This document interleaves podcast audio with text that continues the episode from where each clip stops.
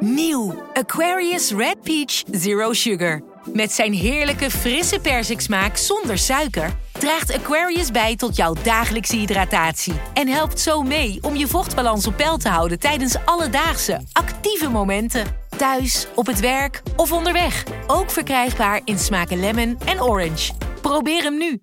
Bij een juridisch conflict kun je het gevoel krijgen dat je in een rollercoaster bent beland.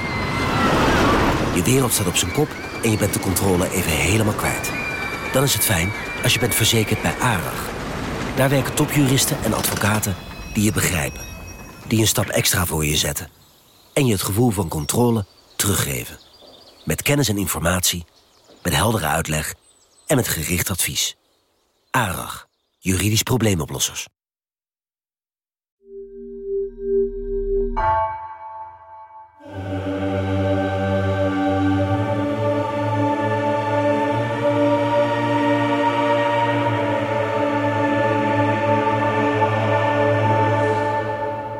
Dagen na de slag bij Waterloo komt Napoleon aan in Parijs. Hij snakt naar een warm bad. Misschien voorzag dat de dramatische nederlaag. Onderweg had hij in een lang bulletin de noodlottige uitkomst van de veldslag gedeeld met de Franse bevolking. Bij het dicteren ervan waren de tranen hem over de wangen gelopen. Hij was in shock. Eenmaal gearriveerd in het Elysée laat hij zich in zijn zinken badkuip zakken. Terwijl het warme water zijn vermoeide lichaam omsluit, ontvangt de keizer zijn eerste bezoek. Hij vraagt zijn minister van Financiën hoeveel geld er nog is. En van de minister van Oorlog wil hij weten hoeveel troepen hij kan krijgen. De laatste verzekert hem dat nog niet alles verloren is. Maar hij moet onmiddellijk handelen. Napoleon ligt klagend over zijn lot in bad. Dan barst hij uit in een hysterische lach.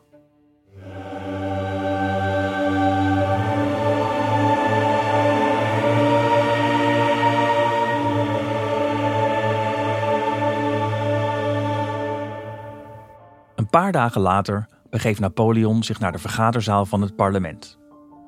Zijn broer Lucien wacht hem op. Napoleon wil de Kamer van Afgevaardigden en de Senaat om dictatoriale bevoegdheden vragen.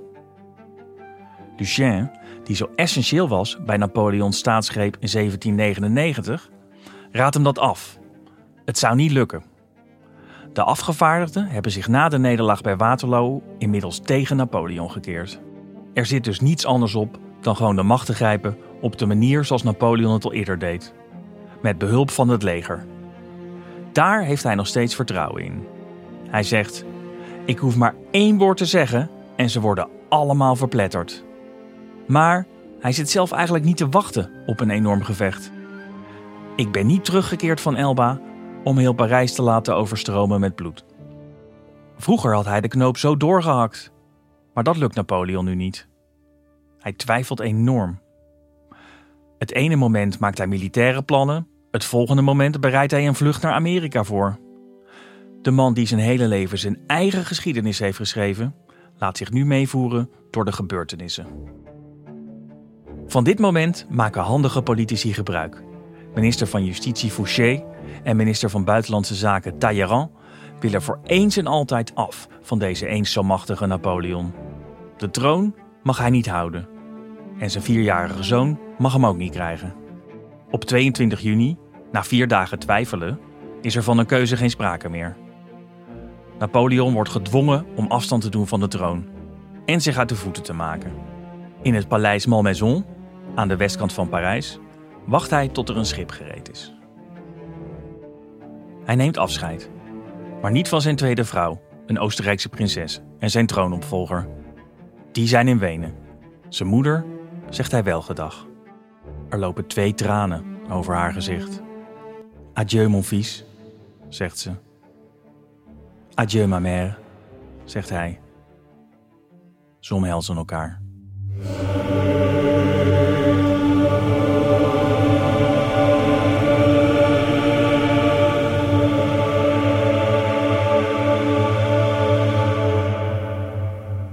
Napoleon vertrekt te paard naar de havenstad Rochefort. Maar bij aankomst blijkt dat ontsnappen er niet in zit.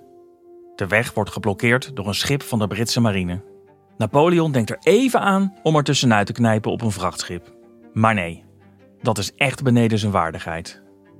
Twee weken van onderhandelingen volgen. Maar het is duidelijk dat er voor de gevallen keizer niets anders op zit dan zich over te geven als krijgsgevangene. Op 15 juli 1815 stapt Napoleon Bonaparte in een sloep die hem naar het Britse schip brengt. Vanaf een nabijgelegen Frans schip klinkt luid: Vive l'empereur! Napoleon schept een handje zeewater en zegent de juichende matrozen. Het is volbracht. De volgende halte, het eenzame eilandje Sint Helena. De verlosser van Frankrijk kijkt nog één keer om naar zijn vaderland. Hij zal het nooit meer terugzien.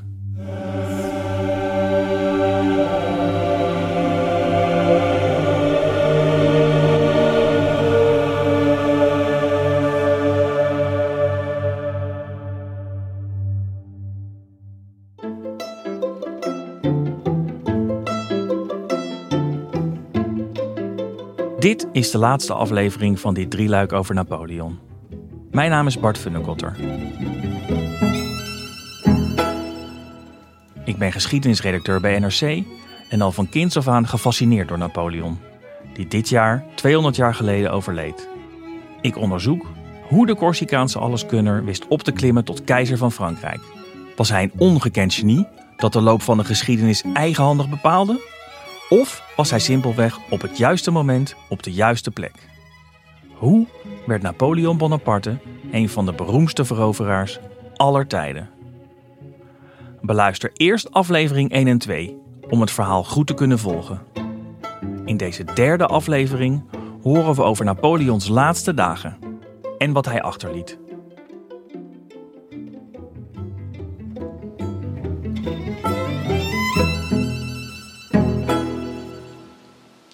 Het is misschien wel de meest zichtbare erfenis van Napoleon in Nederland: de piramide van Austerlitz.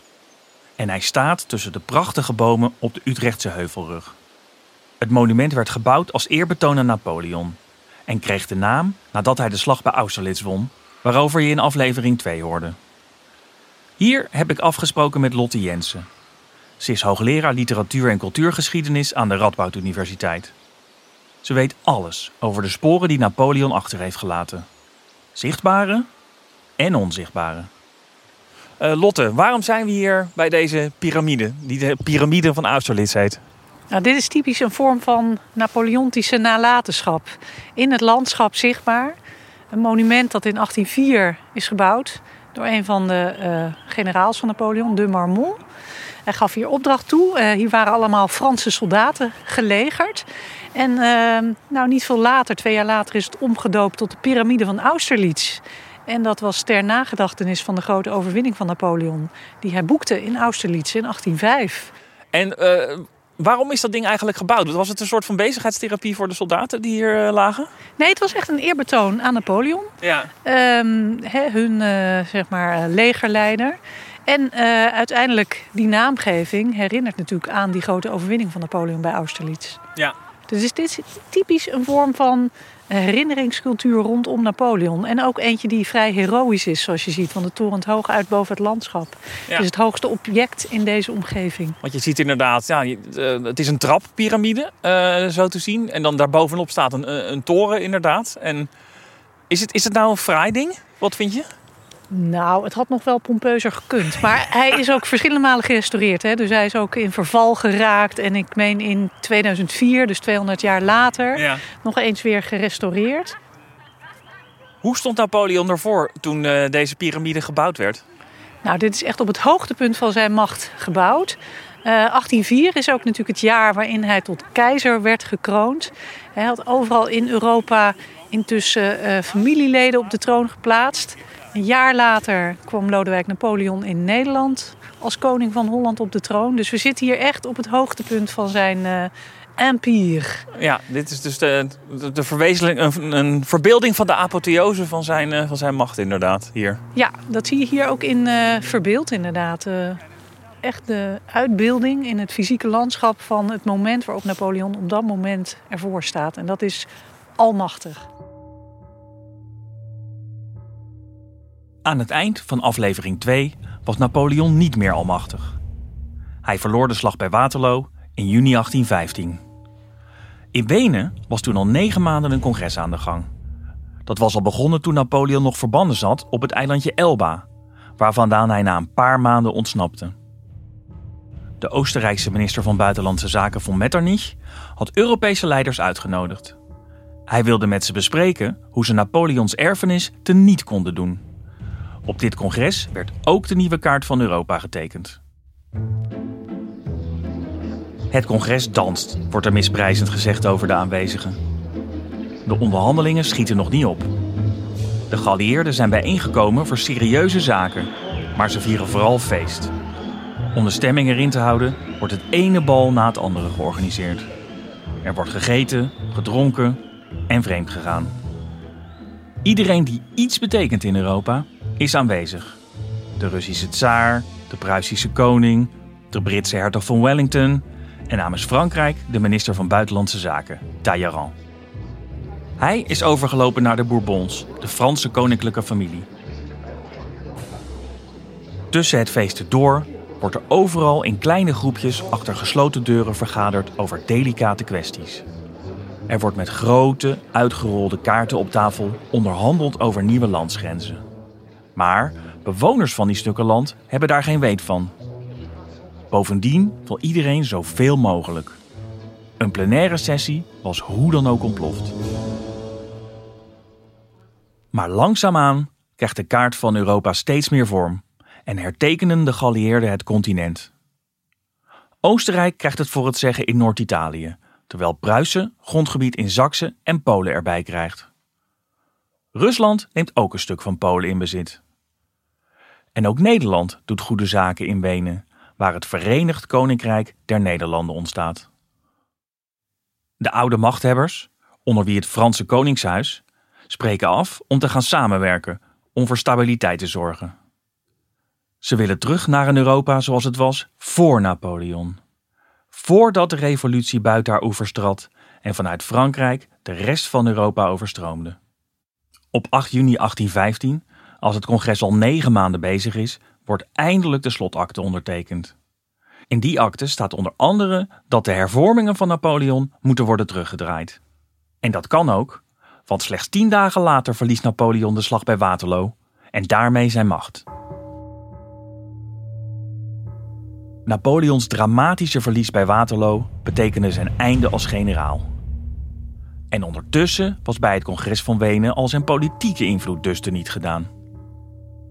Maar hoe stond het met zijn populariteit in deze periode? Nou, om te beginnen in Frankrijk natuurlijk behoorlijk wat fans. Want toen hij terug was gekeerd uh, van Elba en die 100 dagen uh, plaatsvonden voordat hij uiteindelijk ten val kwam bij uh, Waterloo, waren natuurlijk toch nog heel veel mensen die hem graag weer terugzagen uh, als keizer van Frankrijk. Ja. En zelfs in 1821, hè, dan zitten we toch alweer zes jaar later, heeft hij nog een soort roem, een, een glorie om zich heen. Um, waar zeker de Fransen wel met een zekere nostalgie op terug gingen kijken. Was het gedeeltelijk ook nog liefde voor de idealen van de revolutie? Of was het de liefde die nog voor Napoleon bestond, stond die daar helemaal los van inmiddels? Ja, dat is een ingewikkelde vraag. Want Napoleon begon natuurlijk als een belichaming van de ja. revolutie-idealen. Vrijheid, gelijkheid, broederschap. Maar hij was natuurlijk uitgegroeid tot een keizer met, met uh, grandeur en uh, almacht. En belichaamde allang niet meer die idealen voor vele mensen. Um, en zeker als je kijkt vanuit het Nederlandse perspectief, hebben we gewoonweg te maken met een bloeddorstige tiran ja. in de ogen van de meeste Nederlanders. Om de opkomst van zo'n tiran in de toekomst te voorkomen, waren er dus afspraken gemaakt op het congres van Wenen. Die hadden in de decennia na de val van Napoleon een grote invloed op de internationale politiek, met name in Duitsland. Ze waren aanvankelijk succesvol in Europa vond er lang geen oorlog meer plaats tussen de grootmachten. Maar de poging van het congres om de geest van de revolutie weer in de fles te duwen was minder geslaagd. Mensen hadden aan de vrijheid geroken en dat beviel ze wel. Revolutionairen kwamen door heel Europa opnieuw in opstand. Met als hoogtepunt de juli-opstand in 1830 in Frankrijk. In Parijs gingen burgers de straat op om de koning van de troon te jagen. Europa werd opnieuw verscheurd door revoluties. Een steeds belangrijker factor hierbij werd het nationalisme. Dat is misschien wel de belangrijkste erfenis van Napoleons heerschappij en van het congres van Wenen. Het bezorgde ons een essentieel onderdeel van onze cultuur. Kan je zeggen dat het congres van Wenen de aanzet was tot het Europa zoals we dat nu kennen? In zekere zin wel, ja. Want uh, die 19e eeuw is natuurlijk de eeuw van het nationalisme. Waarbij de ja, nazistaten zoals we die nu kennen... Uh, met de huidige grenzen ook gevormd werd. Dat werd ook besloten op dat politieke congres van Wenen. Um, en in zekere zin zou je dus kunnen zeggen dat het nationalisme... in politieke vorm, maar ook in culturele vormen... Uh, een vorm van nalatenschap is van Napoleon... die weliswaar minder zichtbaar is, maar die nog steeds tot op de dag van vandaag doorleeft. En dat heeft ermee te maken dat landen um, echt zich afzetten tegen die Napoleontische overheersing en nieuwe natiestaten wilden zijn, met daarbij behorend nationaal gevoel. Dus als je naar de Nederlandse situatie kijkt, dan zie je ook dat het na die tijd is dat er bijvoorbeeld een volkslied wordt gemaakt. Wie Nederlands bloed in de ader vloeit van vreemden smetten vrij. En die zin van vreemden smetten vrij is vaak verkeerd begrepen, maar verwijst natuurlijk naar de Fransen. De Fransen waren verdreven, van die vreemden smetten vrij. En zo'n volkslied is een uiting ook van een nationaal gevoel, van het nationale fundamenten creëren, nationale eenheid. En dat proces zie je in allerlei andere landen ook versterkt in die 19e eeuw opkomen. En dat leidt dan uiteindelijk ook, zou je kunnen zeggen, tot grote eenheidsstaten. Duitsland wordt een eenheidsstaat rond 1870. Italië ook in die tijd. Allemaal het gevolg van beslissingen die tijdens het congres van Wenen uh, werden opgetekend. Dus dat nationalisme en die nazistaten die konden eigenlijk niet bestaan zonder het vijandbeeld van Napoleon. Ja, interessant genoeg zeg je hier iets wat volgens mij uh, universeel waar is. Dat nationale staten moeilijk kunnen bestaan zonder uh, wij-zij-beelden. Want je moet je ergens tegen afzetten om je eigen identiteit te creëren. En zeker in dit geval is uh, Napoleon en zijn erfenis ook gebruikt om als het ware nieuwe eigen nationale identiteit neer te zetten. Want de patronen die al die Europese landen vervolgens kiezen, die zijn hetzelfde. Dus eigen nationale helden vereren, een volkslied uh, extra uh, in de markt zetten, culturele symbolen ontwikkelen. De patronen zijn hetzelfde, maar er wordt op een verschillende geschiedenis teruggegrepen om die eigen identiteit vorm te geven. Wat er gebeurde na het verslaan van Napoleon bij Waterloo was dus een aanzetje tot het Europa zoals we dat nu kennen. Met landsgrenzen, tradities en een grote rol voor wat het volk wil. Hij heeft het nooit geweten, maar die onbedoelde nalatenschap is erg belangrijk geworden. Lang na zijn hoogtijdagen. Is er eigenlijk een verschil tussen het uh, cultureel nationalisme en het politiek nationalisme, zoals dat uh, ontstond nadat Napoleon verbannen was? Nou, politiek nationalisme is natuurlijk een politiek programma. Een, een van bovenaf opgelegd gevoel dat de eigen natie superieur is ten opzichte van anderen. Maar dat krijgt wel vorm, of dat wordt mede geschraagd door vormen van cultureel nationalisme. Dus allerlei symbolen in de cultuur die dat gevoel omhoog sturen. Dus het een kan niet zonder het ander. Culturele symbolen versterken ook het politieke draagvlak van dat nationalisme en dat programma. Uh, er zijn heel veel voorbeelden te noemen in Nederland. Wat je bijvoorbeeld krijgt is een sterke verheerlijking van het verleden en de nationale helden. Dus Michiel de Ruiter wordt op een voetstuk gezet, letterlijk. Hè, er verrijzen stambeelden in ja. Nederlandse steden om die helden van weleer uh, te eren. Er verschijnen ook heel veel nationalistisch gezinde teksten waarin het verleden wordt bejubeld. Uh, maar denk ook aan kinderboeken waarin er een soort heel heroïsch verhaal van Nederland wordt verteld. En dat begint al met het vertellen van die dappere Nederlanders die tijdens de 80-jarige oorlog de Spanjaarden al versloegen.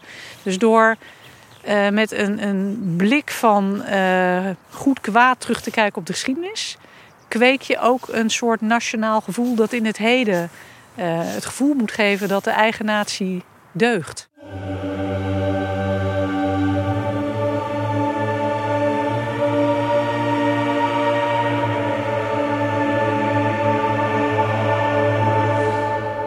Napoleon zit in ballingschap op Sint Helena, een eenzaam eilandje in de Atlantische Oceaan. De vergissing om hem op Elba gevangen te zetten wordt niet opnieuw gemaakt. Sterker nog, de Pruisen en het Franse koninklijke huis van de Bourbons wilden hem eigenlijk executeren. Maar daarin gingen de Britten niet mee. Hudson Lowe, de gouverneur die Napoleon in de gaten houdt op het eiland, zal de rest van zijn leven wel tot een hel maken. Napoleon mag bijna niks. En hij mag ook geen bezoek uit Europa ontvangen. Afgezien van de medewerkers die hij bij zich heeft, waaronder zelfs een banketbakker en een kok, is er nauwelijks aanspraak op het eiland. Hij heeft dus alle tijd om zijn memoires te dicteren. Hierin presenteert hij zichzelf als een genie. Door pech en fouten van anderen is hij er niet in geslaagd om zijn goede werken tot voltooiing te brengen. Hij is een unieke verschijning op het tableau van de menselijke historie. Misschien alleen te vergelijken met Alexander de Grote en Julius Caesar.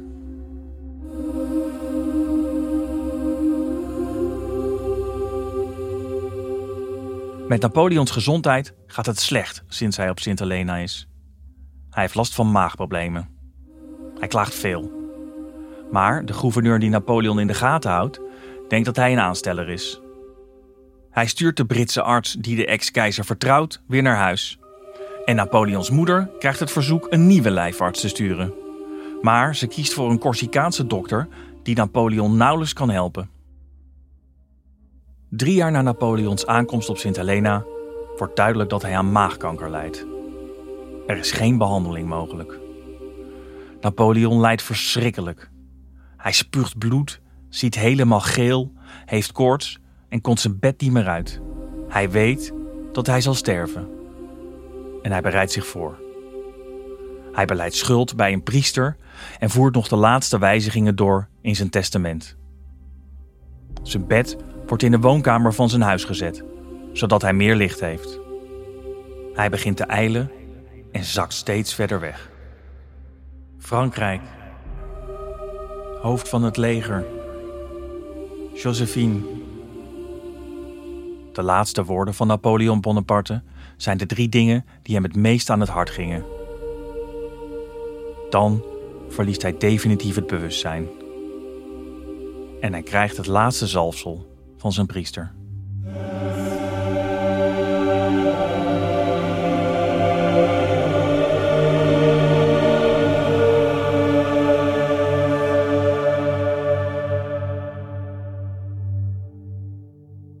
Twee dagen later, op 5 mei 1821, om 11 minuten voor 6 avonds, overlijdt Napoleon. De zon op Sint Helena is zojuist ondergegaan. Napoleon Bonaparte, de man die de hele wereld in zijn greep wist te houden, is niet meer. Napoleon wordt een paar dagen later begraven op het eiland van zijn ballingschap.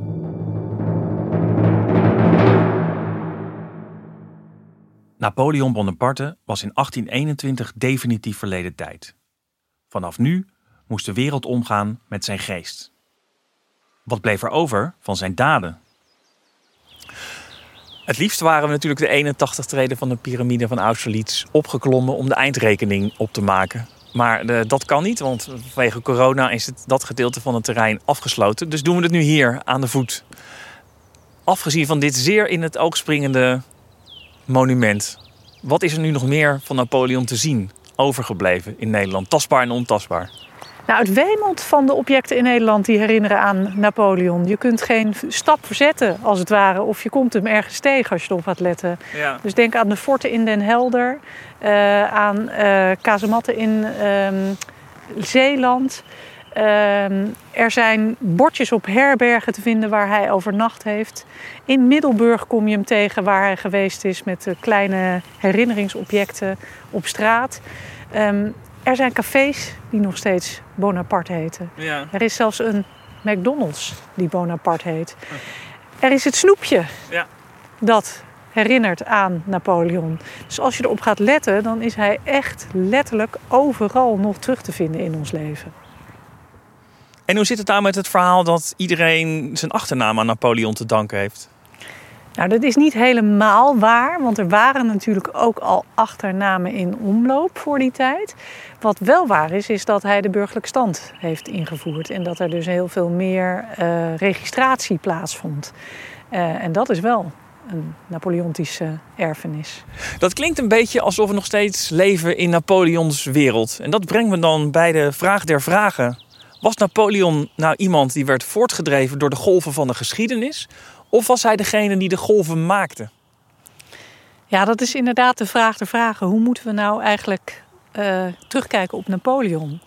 Ik denk dat het en-en is. Ik denk dat hij uh, en het product is geweest van zijn tijd. Hij is natuurlijk vanuit die revolutiegedachte als een eenvoudige jongen opgeklommen tot keizer van Frankrijk.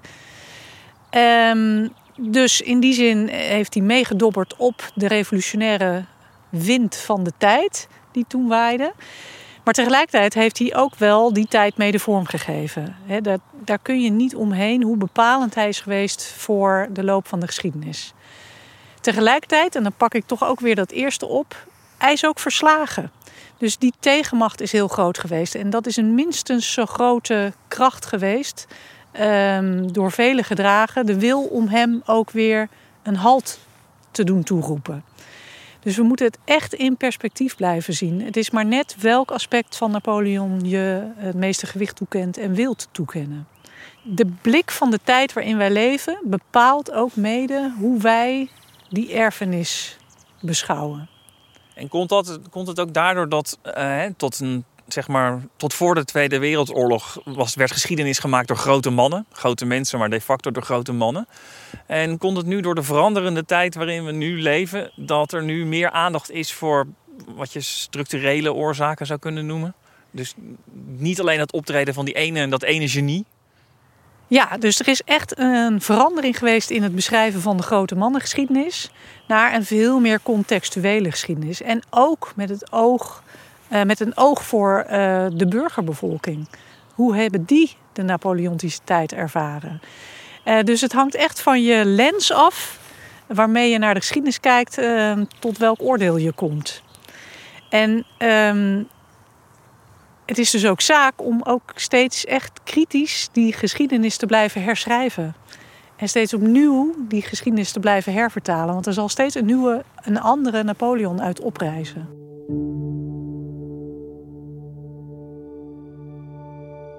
We zijn aan het einde gekomen van deze driedelige reeks over het leven van Napoleon Bonaparte.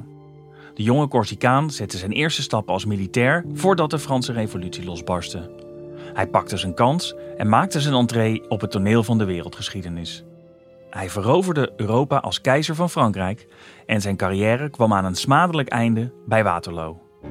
Hij overleed tijdens zijn ballingschap op Sint Helena. Zijn nalatenschap blijft achter. Werd hij gemaakt door de geschiedenis of maakte hij geschiedenis? Hoewel ik al zoveel over hem gelezen heb, ben ik toch anders over hem gaan denken door het maken van deze podcast. Ik dacht dat Napoleons genialiteit beslissend was. Maar ik kom nu tot de conclusie dat de omstandigheden toch een grotere rol speelden dan ik had gedacht. Het is zo dat hij zonder de revolutie nooit de kans had gehad om zijn naam te maken. En dat hij met zijn militaire hervormingen voortbouwde op het werk dat anderen al eerder hadden gedaan. En natuurlijk, al die wetten schreef hij niet in zijn eentje. Maar zonder zijn werklust, passie, intelligentie, moed, doortraptheid, vreedheid en grootheidswaanzin was hij niet zo succesvol geweest. Dan was uit de mix van al die verschillende factoren een heel ander eindresultaat gerold. De geschiedenis botste op Napoleon. En hij wist daar een tijdje te lijden. Totdat ze hem weer afschudden. Dat is het lot van ieder mens. Of hij nou een kleine krabbelaar is of een groot man.